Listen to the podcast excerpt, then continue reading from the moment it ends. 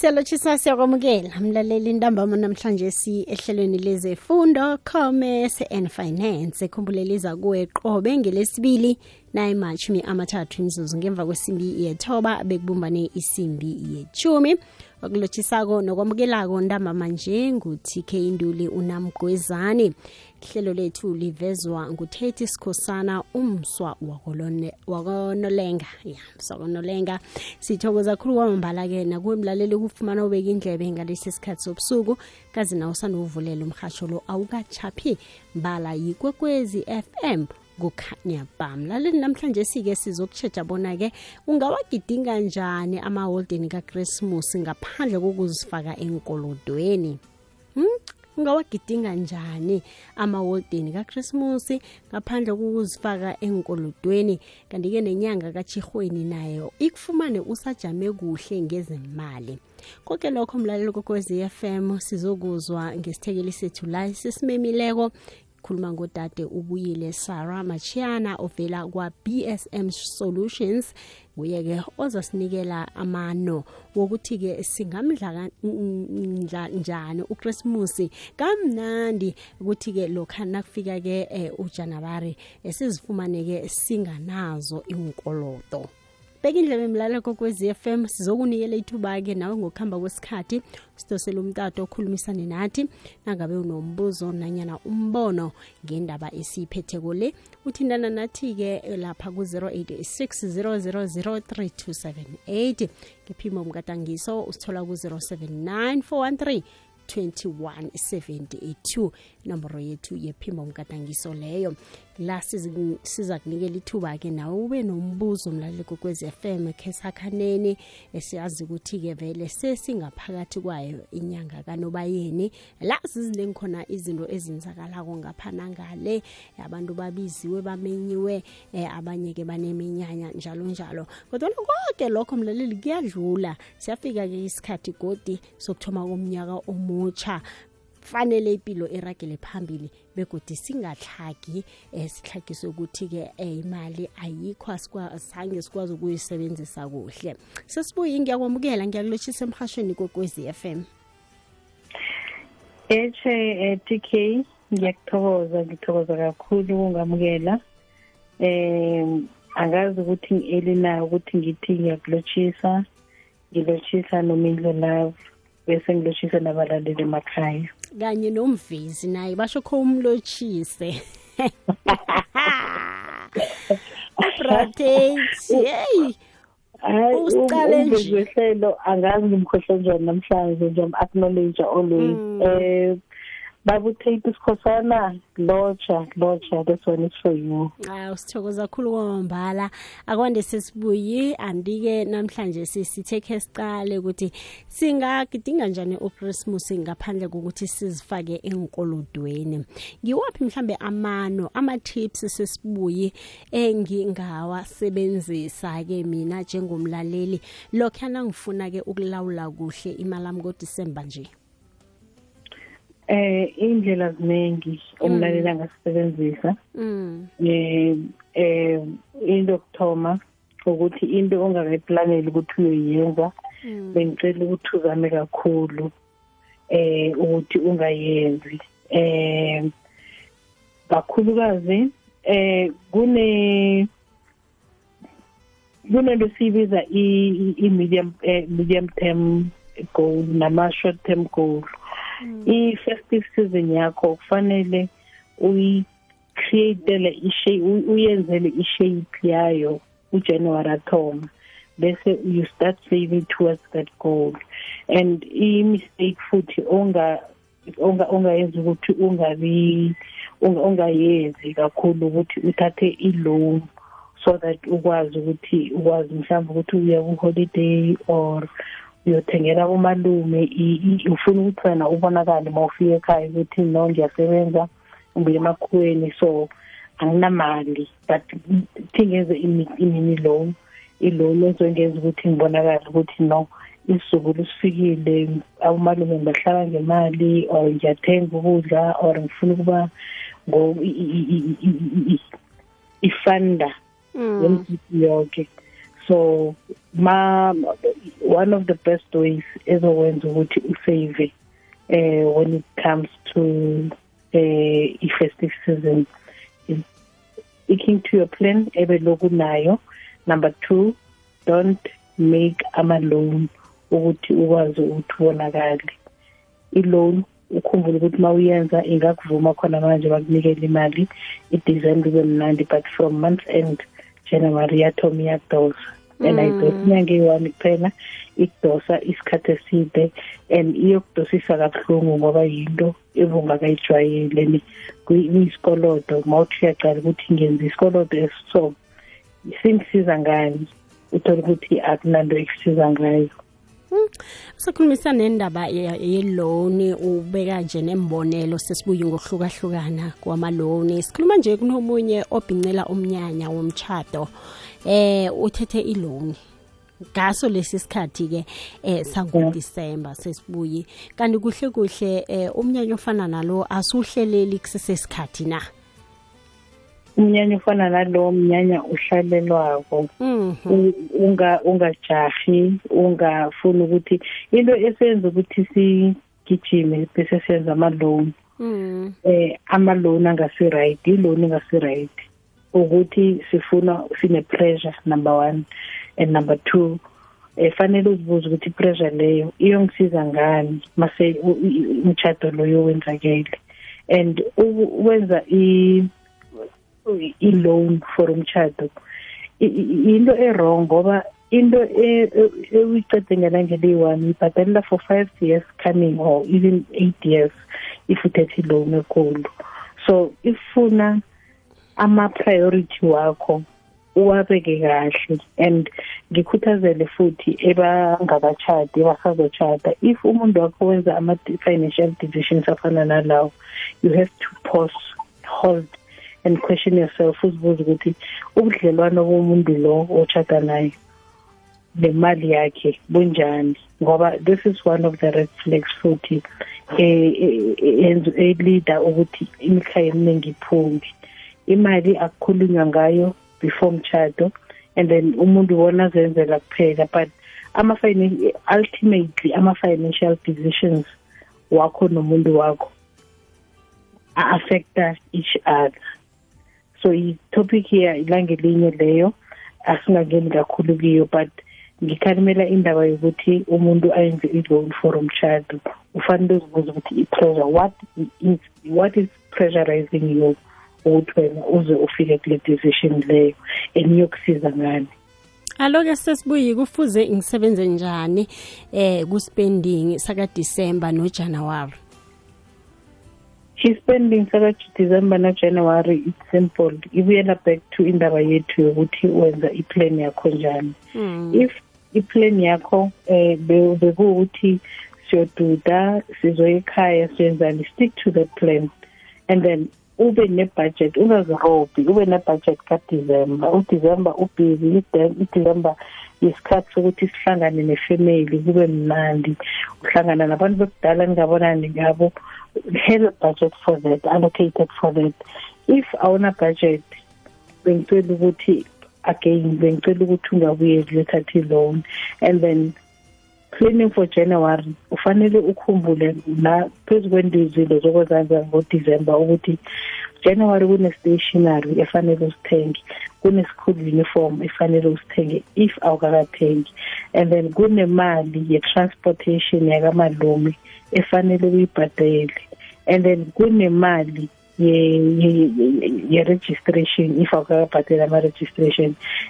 Ukuthi ube ne-peace of mind as umzali eh ifuna ukuthi ubhale into zakho phansi and then again ngiyaphinda ukuthi unyaka i-shape ye, ye December and January yakho uziplana unyaka 10 months or 11 months before. So bengicela ukuthi eh abazali nabalaleli ekhaya ababelethi let us capitalize on spend on savings. Ama savings masithi uyasave asitsho ukuthi usave masikubuza ukuthi uyasave bese usave imali eyi-one usave imali ezinenganyana for amabanga a-different. Usave for i-January spending usave for December usave for Black Friday ukuthi ube umuntu organized. And then so that nawe futhi as a person ukwazi ukuba ne-peace of mind when it comes to ama-finances akho. Ngiyakuzwa ke sisara ngiba ukuthi sisela amanzi sokubuya siragele phambili ngehlelo lethu. Mlaleli kokwezi FM beka indlebe ungayindawo ngiyayivula imtato njenganje nangabe unembono nanyana umbuzo ungathoma usidosele lapha ku-whatsapp ugadangisa iphimbo lakho ku-079 413 2178 sisayokusela amanzi siyabuya. Hey mzansi ngamahlelo wethu wesiyadlala siyafunda. Sewazi ukuqakatheka kokudlala ngombana bafunda ukudlala. Nje sikhathi sokunikela abantu bakho abangani nomndeni bathole isikhathi esikhethekileko sokudlala. Sikhathi semzansi playdate sifuna ukwenza isikhathi sokudlala kwaphela. Sikhathi sokubana abantwana beminyaka yonke emindenini bathabele ukudlala ndawonye. Imzansi playdate izokuba senyangeni kasewula nekasinyikaba begodu uzokuba nethuba lokuhlanganyela nathi emalangeni wokudlala akhethekileko azokwenzeka endaweni eziningi enarheni yekhethwapha. Thola ilwazi elizeleko emakhasini wethu enkundleni zokuthindana ku-at siyadlala siyafunda yimzantsi playdate ungaphundwa lithuba lokunikela umntwanakho ithuba lokubuyisela ukufunda esikeni. Lalela ihlelo lethu isiyadlala siyafunda. Qobe ngelesithathu kusukela lokha nayisiqundu ngemva kweyethoba ekuseni. Lapho ungathola ilwazi ngemidlalo ehlukeneko ongayidlala nomntwanakho. Uze ukuthi ungazibandakanya njani kumzantsi playdate siyadlala siyafunda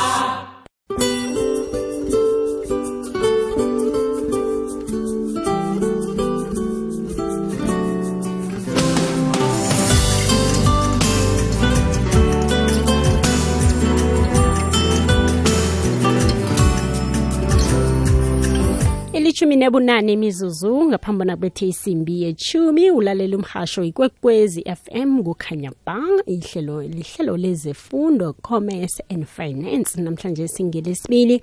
Hlezi nami utk induli unamgwezane ihlelo lethu livezwa ngutate sikhosana umzoko nolenga. Wangale ngebhundu in. Namhlanje simlalelo kokwezi FM sicale nasi isihloko esisithindako pheze sonke njengoba nasesigaphakathi kwayo inyanga kanobayeni sizogidinga lapha-ke amalanga wokuphumula.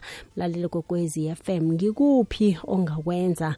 Eh bona-ke ugidinge kamnandi amaholideni wakho kakrismus ngaphandle kokuzifaka enkolodweni ngaphandle kokuthi-ke ugcine sewuthi-ke nakufika inyanga kachihweni ufumane sele-ke eh ungasenamali manje-ke kungakosi kulethela isiluleko isifundo sokuthi ungasize kanjani ngimlalelo kokwezi FM simeme isithekeli sethu la udadewethu ubuyile saramashiyane ovela kwa-bsm solutions. Nguye-ke osipha inluleko mayelana nendaba esiyiphetheko le 0860003278 inomboro yomtato la ungasithinda khona khulumisane nathi-ke uveze wakho umbono ukuthi wena uhlele bunjani mlalele kwekwezi FM siyabona-ke iminyanya miningi abantu bayazikhipha baya ngapha nangale konke lokho uzokwenza ukuhlelele na ingabe kuyinto kade eh, bufisile ukuyenza wayibeka imali yokuthi uzazikhipha uye le nale nabakhozi bakho eh, nanyana nomndeni akho na? Konke lokhu mlaleli kokwezi FM sifuna ukuzwa kuwe ukuthi wena ubhinqe kangangani. Na unamano athize ongawabayela umlaleli? Yenza njalo-ke usitshele ukuthi-ke wena uthini um ngendaba yokusebenzisa imali ngalesi sikhathi samalanga wokuphumula kakrismus sesibuye ingithokoze khulu kwamambala ukusibambela. Asiragele phambili-ke khe sicale ukuthi-ke um ngibuphi ubuchapho obuvamileko thina-ke esibenzako kufuze-ke sibalekele ngalesi sikhathi samalanga kakrismus um ukuchapha budengi esingabaleka kibo ukuthoma eh njengoba ngifanisile ukuthi ukhipha imali ongenayo eh kuyingozi kakhulu. And then kaningi mawucalile sifuna uku-impressa abantu abangasithandiko ngemali esingenayo. So inkinga yethu ngitshela ukuthi esibheka sesibuyi kuwo. umuntu abakhambeke ayokuhayara umodoro thize ukuthi nje akhona ukungena Ned bambone ukuthi athi akwazi ukuboniwa, ngiyobangena hey. yeah. Mm, yeah. So abantu si- kaningi mawu-impress impress abantu abangakuthandiyo ngemali onganayo so fanele uzibuze ukuthi ngizuzani mangiye mangenza into efana naleyo and above everything fanele uquestione ama actions wakho as umuntu when it comes to imali yakho hlala phansi uzibuze ukuthi mara eh uDecember njengoba qalene so alright am i responsible enough? Ngibekile imali yokuthenga igruza ekhaya yini? Ngibekile imali yama contribution we Christmas gathering yini? Ngibekile imali yokuthi ngizitransport ngiyekhaya bengibuye yini? So bengicela ukuthi sizibuze u- i- i- i- i- i- um- i- ama questions lawo you have to ask yourself and i promise you angeke ukwazi ukumocha nebudget yakho yaka December and if bongena budget kulonyaka bengicela ukuthi it's never too late sisasena 6 days mm. eh into the festive season so bengicela ukuthi uhlale phasi. If nishadile hlalani phasi nikhulume nihlahlube indaba yenu ye-Christmas spending. And bengicela ukuthi don't ever limit yourself. Zenzele ubulula u-enjoy imali uyayisebenzela. So ifuna uyisave kahle and uyi-allocate kahle ku-budget yakho so that ukwazi impilo ifishane. So impilo mayifishane ifuna ukuthi si-enjoye. So if wena always abantu abataya celebrate bese uyakhuluma ukuthi ngiyasave fanele uzibuze ukuthi i-savings zakho usavelani and then uyosave till nini? For whatever uyifunako asali we all need to save and I encourage abantu ukuthi let us save. Ama savings ayasiza. Njengoba ngikhulumile you need i-savings for i-January i-savings for i-December yakho and i-savings for i-Black Friday or savings for whatever ufuna ukuyenza ofuna ukuyi-achieve. Ama-savings we use them for ama, ama for ama short term goals uh, short term financial goals ethu. So bengicela ngiyangiyelelisa kakhulu and ngiyacela ukuthi asingazirobhi and ukuthi ngiqinise indaba ama-savings towards ama-goals wethu wonke lawa. Ukuthi ngifuna ukuthi siphume emkhibeni wokwenza ama-loan eh angasisizi ngameli i-loan uzositshela ukuthi no imali ngiyakwazi ukuyibhadala but before you know it i-interest iyakhuphuka i-interest rate iyakhuphuka izo-catch up nawe uyothola ukuthi awusakwazi nokuthi ungaqede ukuyibhadela kahle or eh iyak-affect awukwazi ukuthi uthenge indlu or ikoloyi ngelinye ilanga. So ngiyacela ukuthi eh whatever ufuna question i-action enye nenye yakho ufuna ukuyenza ngemali. And ngaphezu kwekho konke bengicela ukuthi ungazirobhi yona as a person. And if you are a parent unabantwana or uyi-family man or family umuntu onefamily bengicela ukuthi ungarobhi abantwana bakho. Mm usasho njalo sesibuye mhlambe ngingayenza njani ke ibudget yokuthenga obukhazikhazi nezipho nje ezithize ukuthabisa umndeni nami eh endaweni yezipho ngiyathokoza ukuyibuza endaweni yezipho. Angisho Eh, uyasho ukuthi fanele- singazirobhi na? Exactly. Mm. so ngiyathokoza ukuyibuza endabeni yezipho. Izipho eh fanele sihlale phansi njengemndeni Mm. isithengelana izipho sikhulume i-value efanele sithengelane. If sithengelana ze-five hundred ayiloke lapho. Ungasingafuni ukuthi eh sibe ne-division as ifamily ngenxa yezipho. Omunye u-afrode isipho semali encane engaphansi kwe-hundred rand whereas omunye ezengeze thousand ngesipho esidlule thousand rand. Uyayibona? So bengicela ukuthi kuwe nabangani bakho kuwe na nefamily yakho kuwe nabantu bonke enithengelana izipho akube ne-communication. Sizwane ukuthi sithengelana izipho zokufika kuthi ngoba noma singathi sithi siyayi-avoida sihlala esikhathini esinzima endabeni zemali ama-basics wonke akhuphukile and abantu abaningi aba-afford. Most of south africans do not afford when it comes uh, to ama-basics ngikhuluma so kunamafamily aswela nje ukuhlanganisa indaba yempuphu ngenxa yokuthi intengo yento eziningi ziye phezulu so uh, we need to be kind to each other number mm. one and we need to improve i-communication ukunqamula i-cycle ye-hatred amongst mm. abantu abamnyama and that involves ama-families that involves ama-friends that involves each and every person okhona kwi-circle yakho. If i believe ukuthi if sikhuluma nga-anything we can conquer the world and singaconquer singabreaka i-cycle ye-hatred. Ngoba i-hatred is built ngabantu ebanga-resolve ama-issue amancane ebanawo. So ngibuyela back to indaba yama-issue. Indaba yama-issue ingakhosa ma-present anga-align nge-price so let us talk about ama-price esiyothengelana ngawo i-value esiyothengelana ngayo ama-present ngo-christmas ngoba i-christmas is a time for giving mm. but let us reach eh i-agreement yokuthi sithengelana njani sekhuluma ngendaba yomndeni sesibuye kwesinye isikhathi-ke um uhlelile indo zakho-ke nawufika ekhaya avele omunye athi kungabanjani sihlanganise imali engaka khe sithengele uma khe sithengele ugogo ubaba um noma umalume? Khe simthokoze senze lokhu nalokhu nalokhu. Ubona kumbono omuhle ovezwa mumuntu othi asihlanganiseni senze lokhu. Um nanyana umuntu kufanele-ke kube nguye oyisikimelako into ayedwa ayedwa ayijamele ayedwa ngalesi sikhathi. Nanyana kufanele akhulume kusesesikhathi ngiyabonga for umbuzo loyo. Mm.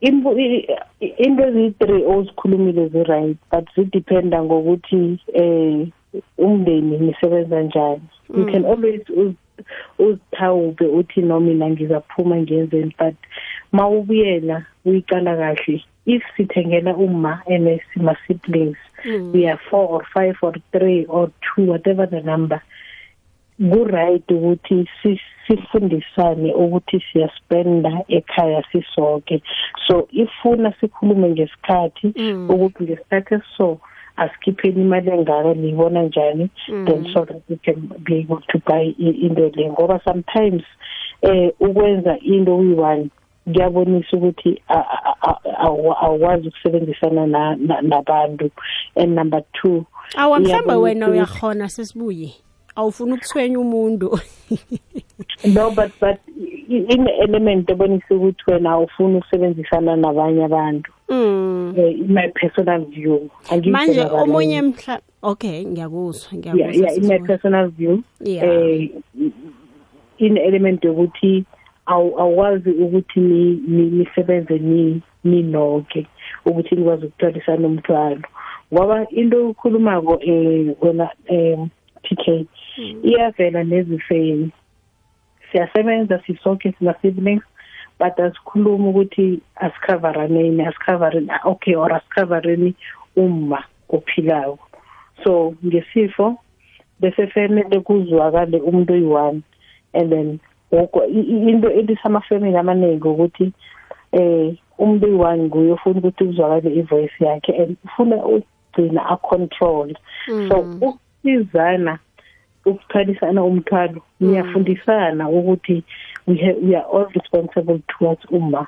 Uyabona if you have included everyone bese omunye azi-exclude uzameli Mm. ke sokusela amanzi kodwa siza kubuya. Ahake mina kwaphela imizuzu eseleko ngaphambi bona kubethe isimbi yechumi. Khumbula ngesimbi yechumi siyalisonga ihlelo lethu. Sibeka phasi mlaleli kokwezi FM umindlo love uragela phambili nehlelo sizigedlile bebethe isimbi yechumi nambili. Njenganje sisaragela phambili-ke nemzuzwana esisele nayo le ngaphakathi kwehlelo commerce and finance.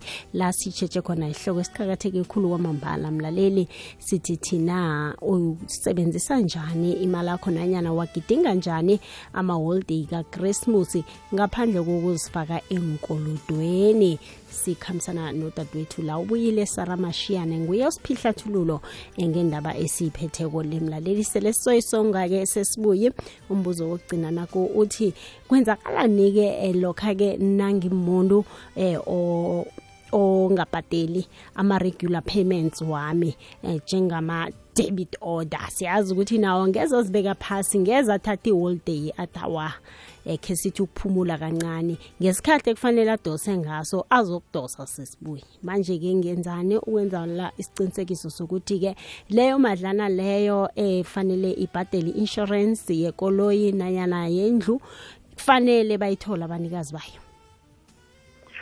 Um ama-debit order mm. yazi ukuthi wama-loan akho aya-track imali yakho mayingena noma ingasidate ekuvumelane ngayo ayodosa. But isikoloto sendlu isikoloto sekoloyi sisigedle kakhulu. If sidosa ngeni twenty-five siyojama iholiday beyidlule idose the next day. So same applies ngale senzo so bengicela ukuthi sicalculate ama-debit order wethu wonke waceda wabona ukuthi enza malini.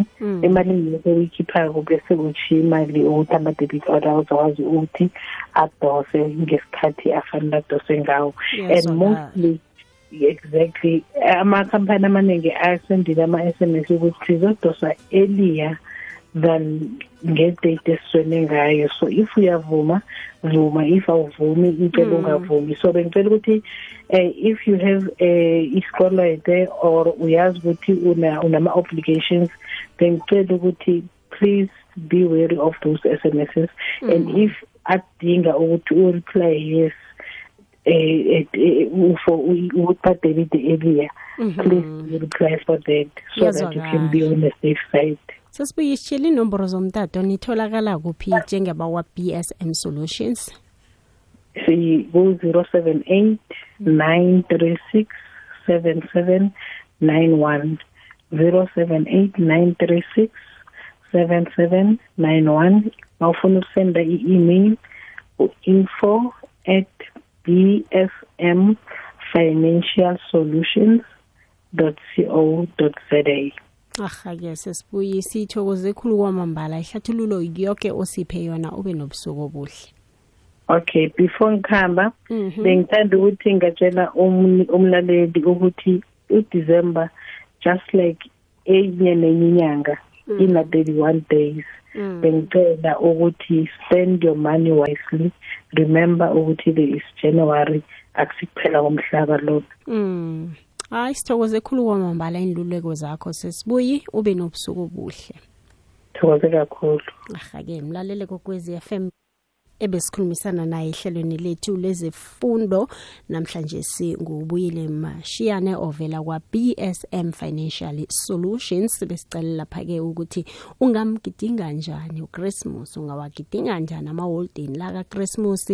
Eh ngaphandle nje-ke ukuthi usebenzise imali ngendlela engakafaneli usithole sewusenkolodweni nakuthoma umnyaka omutsha ka-2023 ngiyathemba ukuthi ufunde luthulukhulu mlalele kokwezi FM siyobuya sibuya ke godi namanye amahlelo wezefundo eh aphathelene nezemali. Sikuyelelise sikuphe nje ke eh insombululo kemiraro ekhona yemali. Mina nawe sihlangana godu ngelesine ehlelweni lezefundo i-civic education.